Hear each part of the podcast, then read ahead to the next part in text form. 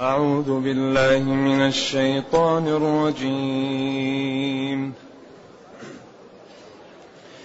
إن ولي الله الذي نزل الكتاب وهو يتولى الصالحين. والذين تدعون من دونه لا يستطيعون نصركم لا يستطيعون نصركم ولا أنفسهم ينصرون. وإن تدعوهم إلى الهدى لا يسمعون وتراهم ينظرون إليك وهم لا يبصرون. خذ العفو وأمر بالعرف وأعرض عن الجاهلين. وإما ينزغنك من الشيطان نزغ فاستعذ بالله. إنه سميع عليم. إن الذين اتقوا إذا مسهم إذا مسهم طائف من الشيطان تذكروا فإذا هم مبصرون. وإخوانهم يمدونهم في الغي ثم لا يقصرون. الحمد لله الذي أنزل إلينا أشمل الكتاب وأرسل إلينا أفضل الرسل وجعلنا خير أمة أخرجت للناس. فله الحمد وله الشكر على هذه النعم العظيمة والآلاء الجسيمة. والصلاة والسلام على خير خلق الله وعلى آله وأصحابه ومن اهتدى بهداه. أما بعد فإن الله جل وعلا يأمر نبيه في هذه الآيات أن يقول للخلق إن النفع والضر في الله تعالى وأنه لا يملك لنفسه ولا لغيره شيئا إلا ما أعطاه الله وأراده. ثم يبين قدرة الله وتفرده بالربوبية والعبادة بقوله تعالى هو الذي خلقكم أي لا غيره. بعدين قال ولا يستطيعون لهم نصرا ولا أنفسهم ينصرون. ثم عاب الأصنام وعبادها. وبين أنها لا فائدة فيها لأن موارد العلم التي بها يترقى المخلوق ليست عندها. لأن الله امتن على الإنسان وقال ولقد كرمنا بني آدم وقال وجعل لكم السمع والأبصار والأفئدة لعلكم تشكرون. أعطاكم موارد العلم لتترقوا. تنظروا في المخلوقات فتعلموا أن هذا من الله. تسمعوا الأصوات وتغيرها. تتفكروا في الأمور. يعني أعطاكم موارد العلم لتكون سببا لشكر الله وطاعته. أما هؤلاء الأصنام الذين ينحتونهم من الحجارة فهي ما عندها موارد العلم ولا عندها موارد الاستفادة والحركة ولذلك عابهم فقال جل وعلا ألهم أرجل يمشون بها أم لهم أيد يبطشون بها؟ أم لهم أعين يبصرون بها؟ أم لهم آذان يسمعون بها؟ طيب من أين تكون فيهم الفائدة؟ بأي, بأي طريقة يكون هؤلاء فيهم نفع. بعدين قال ادعوا شركاءكم. قل ادعوا شركاءكم ثم كيدوني فلا تنظرون. أنتم اعملوا بما شئت. إذا ما الحل؟ وما الذي عندك؟ إن ولي الله. إن توكيد. ولي ناصري. وموالي وعاضدي. الله. هذا هو الذي أعبده وهو الذي أطيعه وهو الذي أنفذ أوامره وهو الذي أجتنب نواهيه. إن ولي لا الأصنام ولا الكفار ولا الفسقة ولا الفجر لا. إن ولي الله الولي هو الذي تواليه ويواليك ولذلك الله ولي الذين آمنوا. والكافرين إيش؟ وأن الكافرين لا مولى لهم. من يواليهم؟ لأنهم كفروا بالله والله تعالى هو الغالب وهو القادر. فهم لا مولى لهم فهم همل ولكن الله تعالى يرحمهم في الدنيا لأنه رحمن الدنيا. الكافر يرحمه والصغير والكبير وكل أنواع المخلوقات يرحمها الله في الدنيا. الذي نزل الكتاب الكتب ويدخل فيها دخول أول القرآن وهو جل وعلا لا غيره يتولى الصالحين. يتولاهم ويواليهم ويحفظهم ويكلأهم وينصرهم ويؤيدهم ويدمر أعداءهم ويجعل لهم في العمر القليل وفي الولد القليل وفي المال القليل الخير الكثير. يتولى الصالحين. والتولي من الموالاة ولذلك لا يجوز للمسلم أن يوالي الكفار. يا أيها الذين آمنوا لا تتخذوا اليهود والنصارى أولياء. هنا يجب أن نفرق بين الظلم وبين الولاية. لا يجوز أن نظلم أحدا. الظلم محرم. لا نظلم مسلم ولا كافر ولا فاسق لا.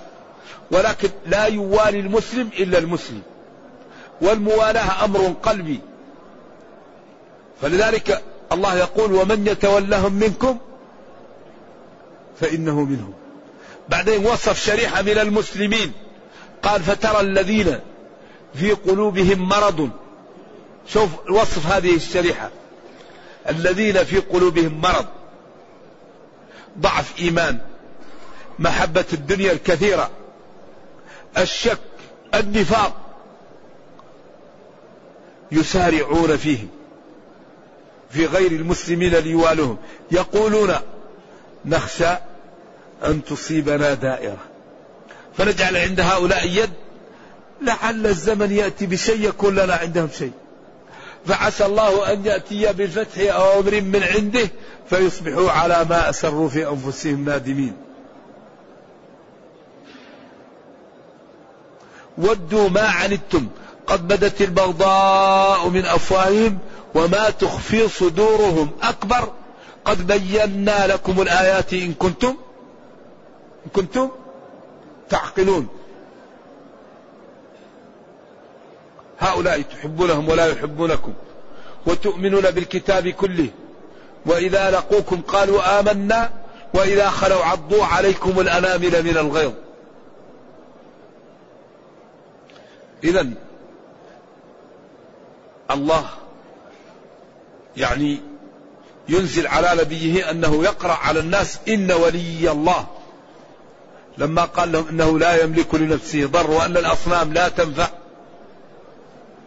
وأن لا فائدة فيها قال إن ولي الله. ولي هو الذي يواليني وينصرني ويعضدني ويكلأني ويعطيني كل ما أحتاج إليه.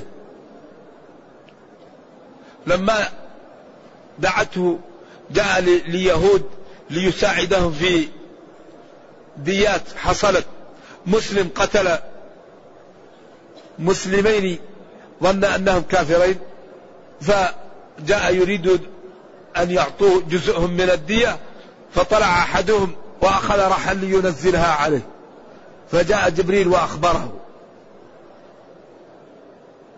ولما جاءه الرجل وهو في غابة من العضاء في الخلاء نائم وأخذ سيفه وسله وقال له من يمنعك مني يا محمد؟ قال له الله. فحط السيف. قال له من يمنعك أنت مني؟ يعني بعدين ما قتلوا ولا شيء. وكانوا أول الأمر يحرسونه فلما نزلت والله يعصمك من الناس قال لهم انصرفوا. أما الله فقد حماني. والله يعصمك من الناس يعصمك. قال لهم طلع صلوات الله وسلامه رأسه من القبة أو المحل اللي فيه وقال لهم انصرفوا خلاص. ولي الله. خلاص يوالي الله. ما يمكن. الذي نزل الكتاب لأن الكتاب معجزة لا يمكن أن يأتي به إلا الله. ولذلك لما بين لهم لا إله إلا الله مفرقة بأدلتها بين لهم أن الرسول صلى الله عليه وسلم مرسل من عند الله وفي نهاية الآيات قال لهم وإن كنتم في ريب مما نزلنا على عبدنا ما قال لهم فقد كفرتم قال فأتوا بسورة هذا هو الإنصاف هذا هو الإقناع هذا هو الذي يجعل المنصف الذي ليست عنده شوائب يقول لا إله إلا الله آمنت بالله رجل أمي لا يقرأ ولا يكتب وجاءكم بكتاب وقال هذا من عند الله فإن كنتم مكذبين به فأتوا بمثله ولكم أن يساعدكم من على وجه الأرض. وادعوا من استطعتم من دون الله. كل البلاغيين في العالم ادعوهم. وكل أصحاب المعاني وأصحاب اللغة وأصحاب الاشتقاق وأصحاب الذوق ادعوهم. وأتوا بمثله. فإن لم تستطيعوا أن تفعلوا في الماضي ولن تستطيعوا أن تفعلوا في المستقبل فهناك الخطر ماثل وقد أوعد المكذب به النار فاتقوا النار. هذا تحدي سافر. لذلك هذا الدين لا يقاوم. ما يمكن يقاوم الإسلام إلا بما لا إلا بأن يجهله أهله أو لا يسمح لهم بعد العلم به ببيانه. هاتان النقطتان هما اللذان يقاوم بهم الإسلام. أن يجهل المسلمون بالإسلام. فيكون المسلم لا يقرأ القرآن ولا يقرأ السنة. طول اليوم يشتغل في ماذا؟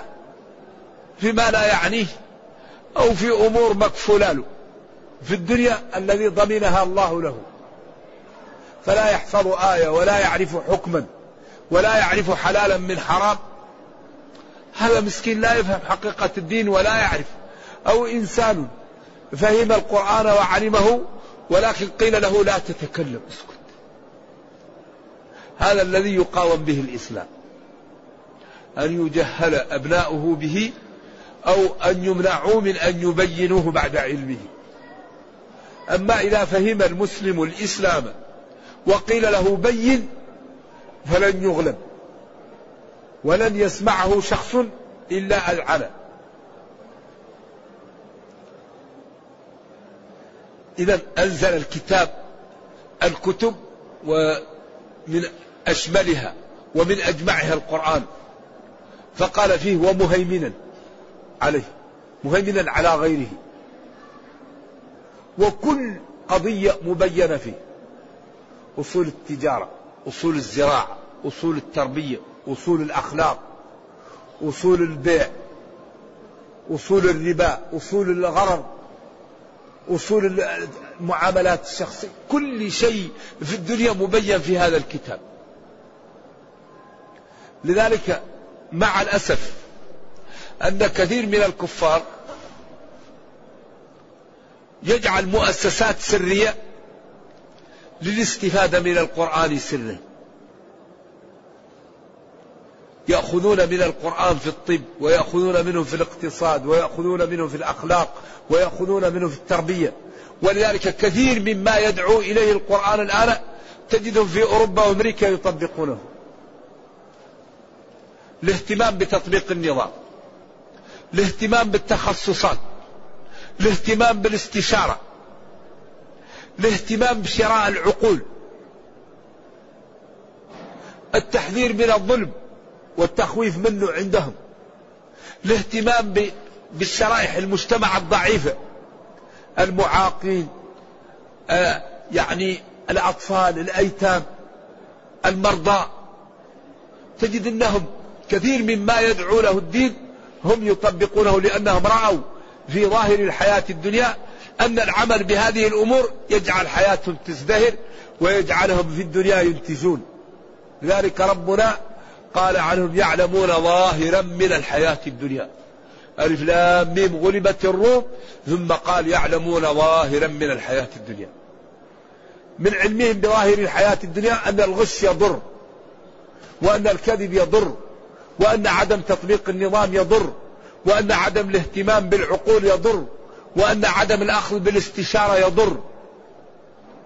فلذلك هم كثير مما يدعو له هذا الكتاب هم يطبقونه. في الوقت الذي العالم الإسلامي لا يهتم بهذه الجوانب فلذلك هم أصبحوا أقوياء والمسلمون ضعاف.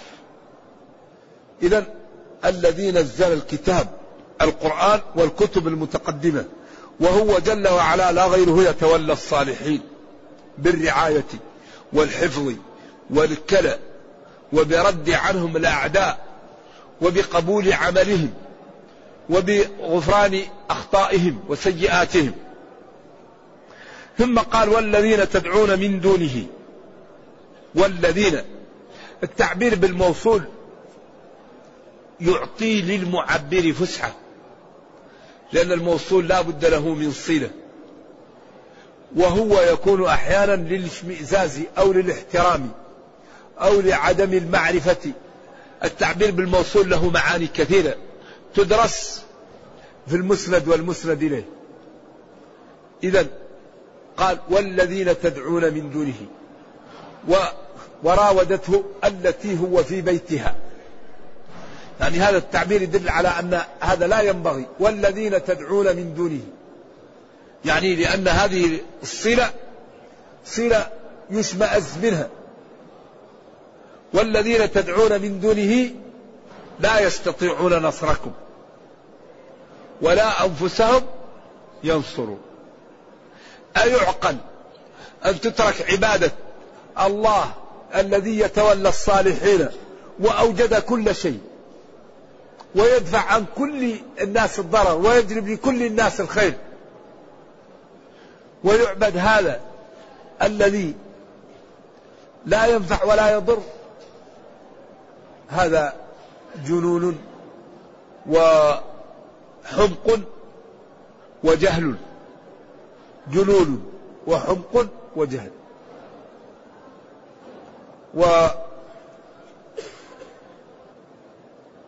وكثير من العقلاء الذين يتأملون يعرفون غير الله لا يصلح للعبادة. لذلك كان جاهلي يذهب إلى حجر ويعبده في الخلاء. فيوم وجد الثعلب جاء وبال عليه. فغضب على ربه هذا وقال هذا ليس رب. رب يبول الثعلبان برأسه لقد ذل من بالت عليه الثعالب وتركه. بالفطرة. ذلك الله هو يستحق العبادة. الله هو اللي يعبد غيره لا يستحق العبادة. ولذلك قال لهم والذين تدعون من دونه أي والذين تعبدونهم من دون الله لا يستطيعون نصركم ولا أنفسهم ينصرون. لا يستطيعون مساعدتكم فيما أردتم منهم ولا نصر أنفسهم إذا حصل لهم شيء. وإن تدعوهم هؤلاء إلى الهدى لا يسمعوا لأنهم جماد. وتراهم ينظرون إليك لأنهم منحوتة وكأنهم مصورون وهم لا يبصرون لا يعقلون. إذا ما دام قومك وهؤلاء الذين تعيش معهم بهذه السفة وهذه الجهالة. وأنت أعطاك الله هذا العلم وهذه الرفعة وهذا الخير الكثير. ما الحل؟ ما الذي يكون؟ قال له خذ العفو وأمر بالعرف وأعرض عن الجاهلين. هذا أجمع شيء للخير. وهذا المعنى جاء في ثلاث آيات في القرآن. خذ العفو وأمر بالعرف وأعرض عن الجاهلين هذا مع من؟ مع شياطين الإنس وقال هناك ادفع بالتي هي أحسن فإذا الذي بينك وبينه عداوة كأنه ولي حميم وما يلقاها إلا الذين صبروا وما يلقاها إلا ذو حظ عظيم. وقال في آية قد أفلح المؤمنون ادفع بالتي هي أحسن السيئة نحن أعلم بما يصفون إذا شياطين الإنس ينبغي أن يقابل ما يسيئون به عليك بالإحسان إليهم. شياطين الإنس والذين يحاولون الإساءة إليك فحاول أن تقابل تلك الإساءة إيش؟ بالإحسان. فإنه بإذن الله تعالى يبقى في يدك كالعجين. كل ما ساء إليك قل له جزاك الله. أتوب إلى الله. لعلي ما انتبهت وكل ما أعمل لك إساءة قابلها بالإحسان. سينقلب كل ما في قلبه من الكراهية ومن البغض محبة وعزة واحترام. لأن الله قال كأنه ولي حميد إلا من كان في قلبه الحسد. الحسد هذا لا علاج له. لأن كل ما أكرمت كل ما زاد عليه الحسد. كل ما أعطيت كل ما زاد الحسد. فهذا عياذا بالله مريض. نرجو الله تعالى له السلامة ولنا السلامة والعافية. لأن أكبر داء الحسد. لأن بدل من أن المسلم يفرح لما يرى من النعم على إخوانه والمسلم للمسلم كنفسه. لا يؤمن أحدكم حتى يحب لأخيه ما يحب لنفسه. وفي مسلم والله لا يؤمن. فبدل من أنه ينفرح يفرح وينشرح صدره ويتهلل وجهه لما يرى من النعم على إخوانه يكون دائما حزين. يرى هذا حسن الوجه. يرى هذا جميل الثوب. يرى هذا عنده أولاد. يرى هذا عنده مال. يرى هذا عنده علم. فيكون دائما معذب عياذا بالله. نرجو الله السلامة والعافية. أما صاحب القلب السليم دائما إذا رأى أخاه المسلم في خير ينفرح ويشرح ويقول الحمد لله الذي أنعم ربي علي وعلى إخواني بالخير. إذا ادفع بالتي هي أحسن. يقول خذ العفو خذ السهل. العفو السهل الزائد على الحاجة. خذ من أخلاق الناس ما سهل. أمرهم بما يعرفون. أدعوهم لما لا شك فيه. ولذلك خاطب الناس بما يعلمون. أتريدون أن يكذب الله ورسوله؟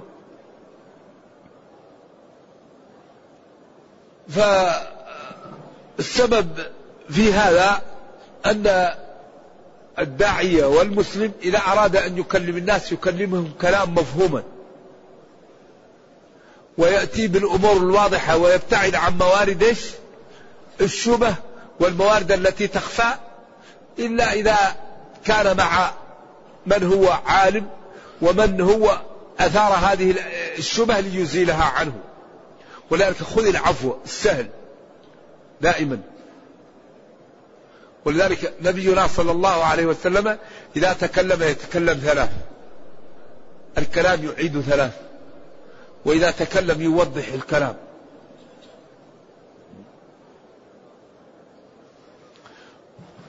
وأمر بالعرف أي بالمعروف أي بالخير الذي لا ينكر ولا ينفر منه. ثم من أخذ بالعفو وأمر بالعرف لا بد أن يناله أن يناله شيء من من بعض الشرائح التي طبعت على سوء الملكة وعلى عدم الإنصاف. بعدين قال وأعرض عن الجاهلين. كما قال هناك للقمان واصبر على ما أصابك. فهذه الآية أجمع آية لمكارم الأخلاق. ولذلك قالوا إن المسلم ينبغي أن يبذل خيره للمسلمين. الخير من مالك ومن جاهك.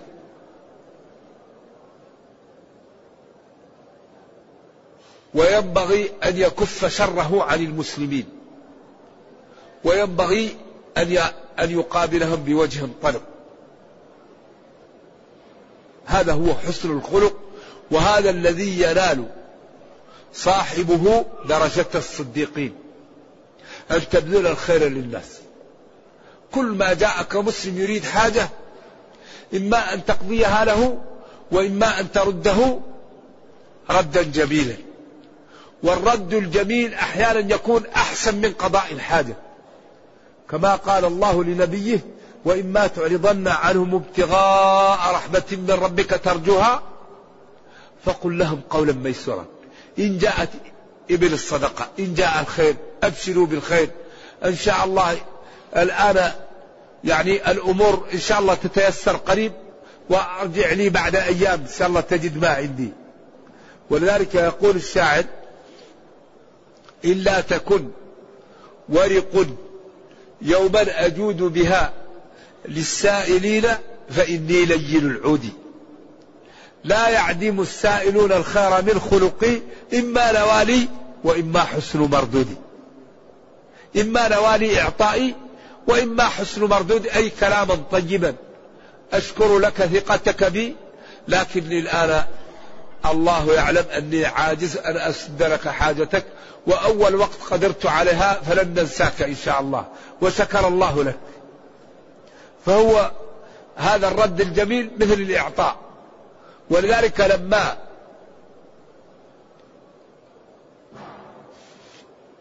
أمر الله بالإحسان نهى عن ضياع الإحسان. وضياع الإحسان يكون بما لا؟ بالمن والأذى. يا أيها الذين آمنوا لا تبطلوا صدقاتكم بالمن والأذى. أه، ولذا الذي يعمل الخير ينبغي دائما أن يتعهده. كما قال عندي حدائق ود غرس نعمتكم قد مسها عطش فليسق من غرس.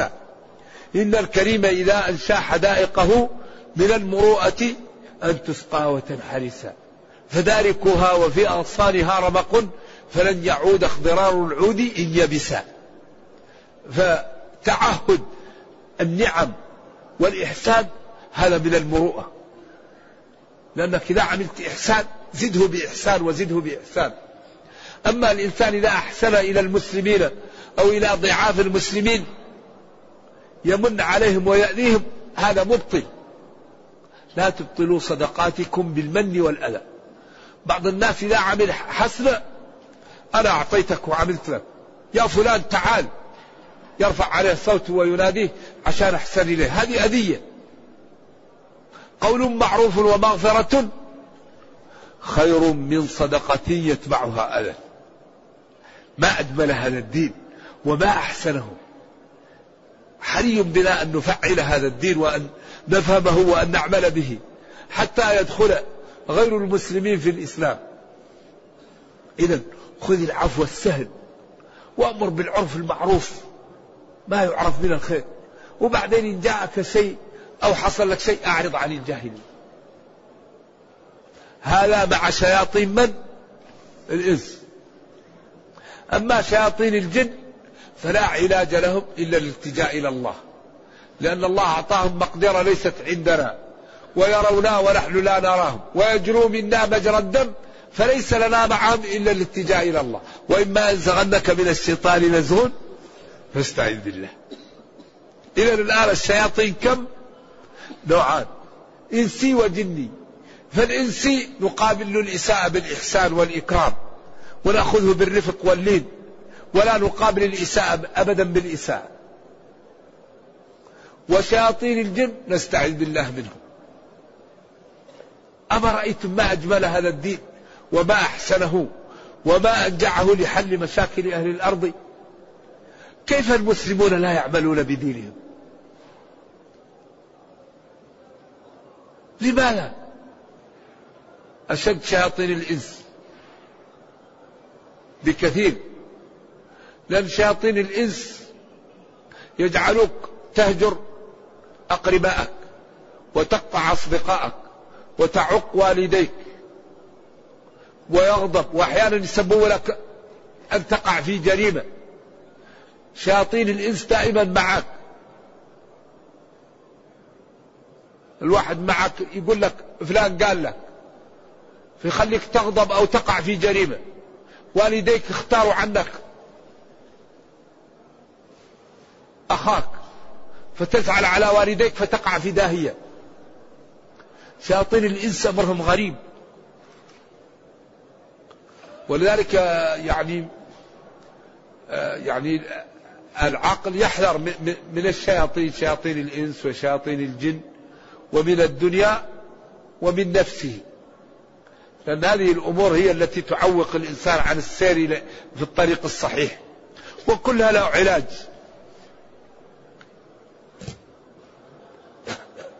والحقيقة شياطين الإنس أمرهم عجيب. لأنهم هم الذين يسب ولذلك نهى عن النميمة وعن التجسس وعن التحسس وعن الاحتقار وعن النبز وعن الظن وعن الغيبة. لأن هذه كلها الذي يقوم بها شياطين الإنس. الغير شيطان ما يقوم بالأشياء هذه. هذه إذا قام بها تأتي القطيعة بين الناس. ولذلك لما أمر بالصلح بين المسلمين سد منافذ خلخلة الأخوة الستة. هو الإسلام دين عملاق. ولكنه مثل المحامي. إذا كان المحامي فاشل ما لا يعمل يضيع القضية التي يأخذها. فالمسلمون الآن يمثلون دور المحامي الفاشل. المحامي الغير الغير ذكي. لأنهم يفشل يشفلون الناس عن الإسلام بأخلاقهم. ولذا نحن أمانة فينا جميعا أن كل واحد منا يتصف بالصفات الذي إذا رآها الناس تمنوا أن يكونوا مثله. ما يوجد شيء أنفع من الخلق الطيب. الخلق الخلق القدوة الحسنة هذه أمرها عجيب. ومن أخص من يعيش من المسلمين بين ظهراني الكافرين. هذا أمانة فيه الصدق أمانة فيه العدل أمانة فيه النزاهة البعد عن شرب الخمر البعد عن الفواحش البعد عن الغش. لأنه إذا عمل ذلك قالوا هذا يدعوه له دينه إذا دينه فاسد. فيكون سببا في ترك الكفار للدين أخلاق المسلمين الذين لا يمارسون الإسلام ولا يعملون به. لذلك قال تعالى ربنا لا تجعلنا فتنة للذين كفروا. وأرجو الله السلام والعافية.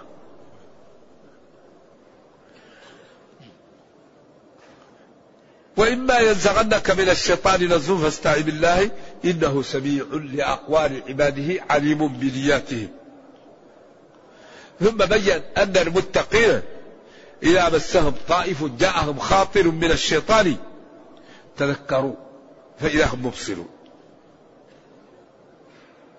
المتقي إذا غضب وقال كلمة غير طيبة قال أتوب إلى الله أستغفر الله. إذا أخطأ على شخص على طول يجري يقول له فلان سامحني إن الذين اتقوا ربهم إذا مسهم طائف من الشيطان أخطأوا أو عملوا معصية أو عملوا في شيء تذكروا على طول خطأهم وخطورة المعاصي فإذا هم مبصرون فيتوبون.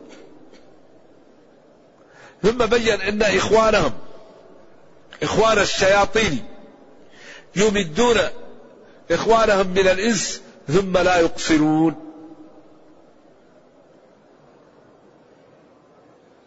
إخوان الإنس من الجن يمدونهم يقوونهم في الغي ويزيدون فيه ثم لا يقصرون في تهييجهم. وفي وقع إيش؟ الكراهية فيهم. ولذلك قال شياطين الإنس والجن يوحي بعضهم إلى بعض زخرف القول غرورا. وأخطر شيء نواجهه هو التعبد على جهل. من أخطر أسباب البدع والخرافة والدجل وقوع الأمة في الورطات الكبيرة ممارسة الجهال العبادة عبادة الجاهل خطأ لأن الجاهل إذا عبد الله تعالى واستمر في العبادة جاءه الشياطين وقالوا له أنا الله افعل كذا صلي بعد العصر عشر ركعات. وروح لمحل كذا وافعل كذا وسوي كذا. يروح يعمل شرع جديد وإذا قلت له اتق الله يحتقرك. يقول لك أنت ما تعرف القيمة اللي عندي عند الله. يرى أن الشيطان هو الله. لأن الشيطان يجي يقول له أنا الله. يأتيه في الليل الشيطان ويقول له أنا الرسول. ولذلك أكثر الابتداع اللي يقع سببه التعبد على غير علم. فلذلك قال البخاري باب العلم. إيش؟ قبل القول والعمل. فالإنسان إذا كان يقوم الليل ويصلي ويتصدق وهو ما عنده علم يأتيه الشيطان ويقول له أنت كل الحي يفرحون بصلاتك ويذكرونك بالصلاة وبقيام الليل فيدخل الرياء هو ما عنده علم يحميه من الرياء. يأتيه الشيطان يقول له أنا الله ولا يعرف. ما يعرف أن هذا شرع جديد وأن النبي صلى الله عليه وسلم قال لا نبي بعدي. ما يعرف أن الذي يدخله الرياء ويعمل للناس يحبط عمله من عمل من أشرك معي غيري تركته وشركه. إذا أهم ما يقوم به المسلم العلم. لا يوجد شيء يا إخوتي أنفع من العلم. قال الخطيب البغدادي في كتاب الفقيه والمتفقه باب نافلة العلم أفضل من نافلة العبادة. شخص يبيت قائم الليل أفضل منه شخص يبيت يقرأ نوافل العلم التي قد يحتاجها الناس.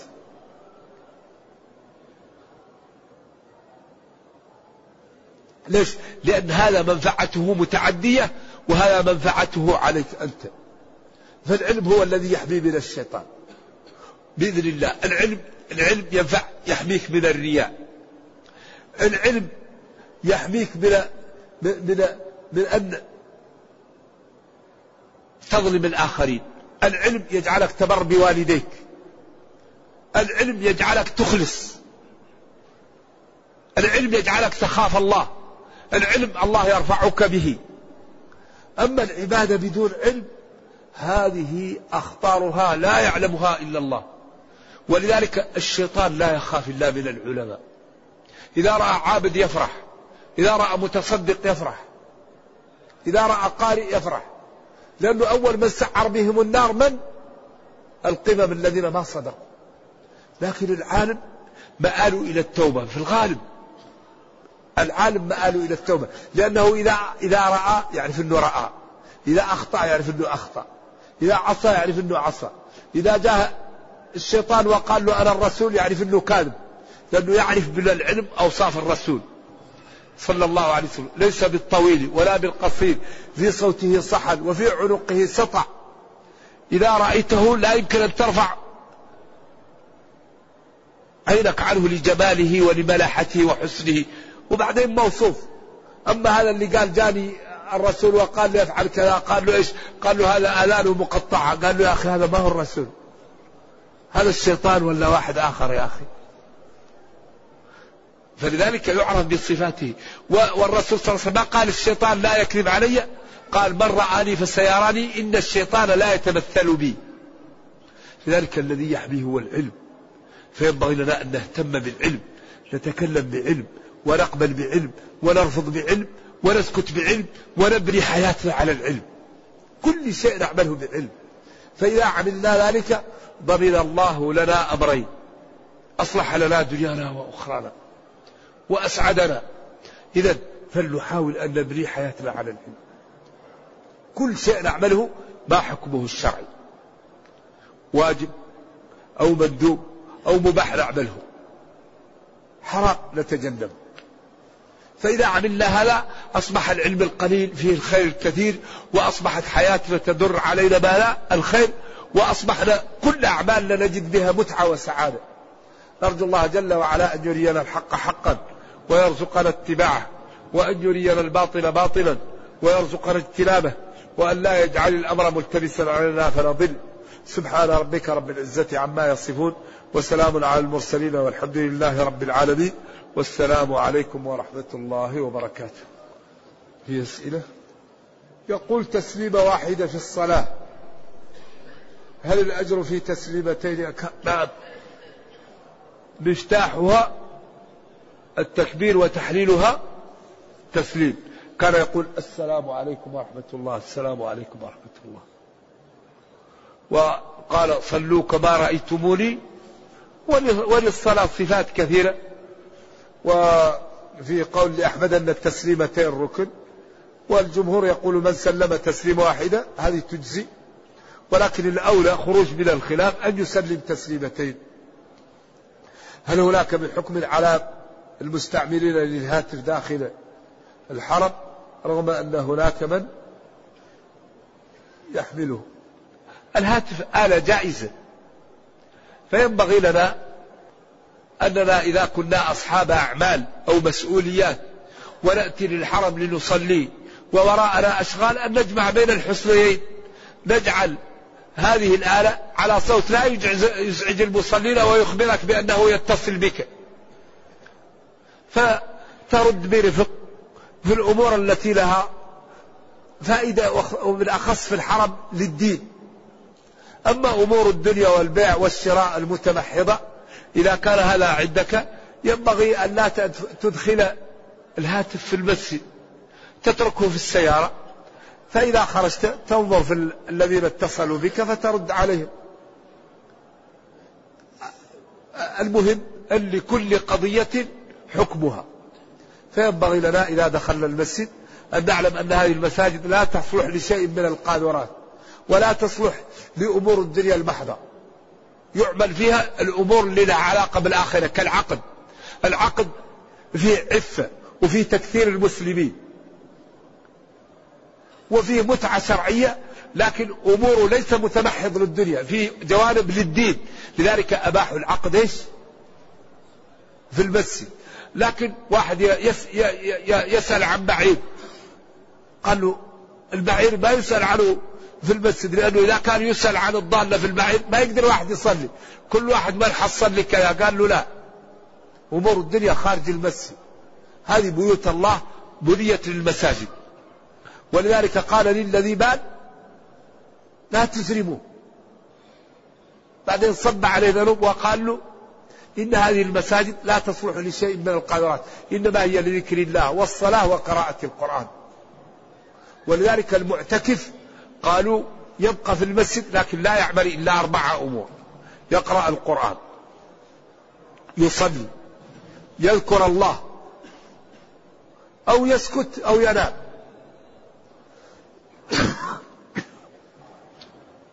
فينبغي الحقيقة أن نتقي الله ولا نؤذي إخواننا وأن نأتي ونكون عونا لهم على الطاعة. ما حكم من ينقل أخبار المسلمين الكفار؟ هذا خطير هذا. هذا ذنبه عظيم. أيوة. هل يجوز للمسلم أن يدرس القانون الوضعي ليكون محاميا حتى يدافع عن المسلمين؟ الأولى أن يدرس القوانين الوضعية ليبين زيفها وضلالها وأنها عاجزة كما فعل عبد القادر عودة رحمة الله عليه في كتابه القيم التشريع الجنائي مقارنة بالقانون الوضعي.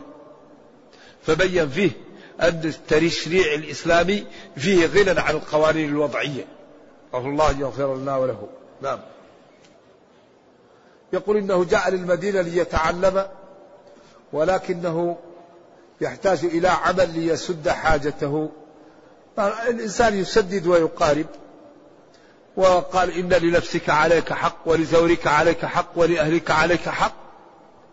فأعط كل ذي حق حقه. نظم وقتك ونسأل الله لنا ولك التوفيق. يقول نحن طلبة علم نعاني من ضعف الهمة فما تنصحنا كيف تعلو هممنا؟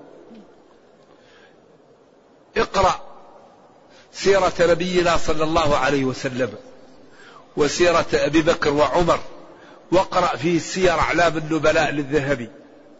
فإن هؤلاء من قرأ في سيرتهم فعلا ينبو وتعلو همته والإنسان أيضا يعلم أن الفضائل ثمار شجر يسمى علو الهمة. الإنسان لا يمكن أن ينال الفضائل إلا بعلو الهمة. لولا المشقة ساد الناس كلهم نرجو الله أن يرزقنا علو الهمة. سلام والاستقامة.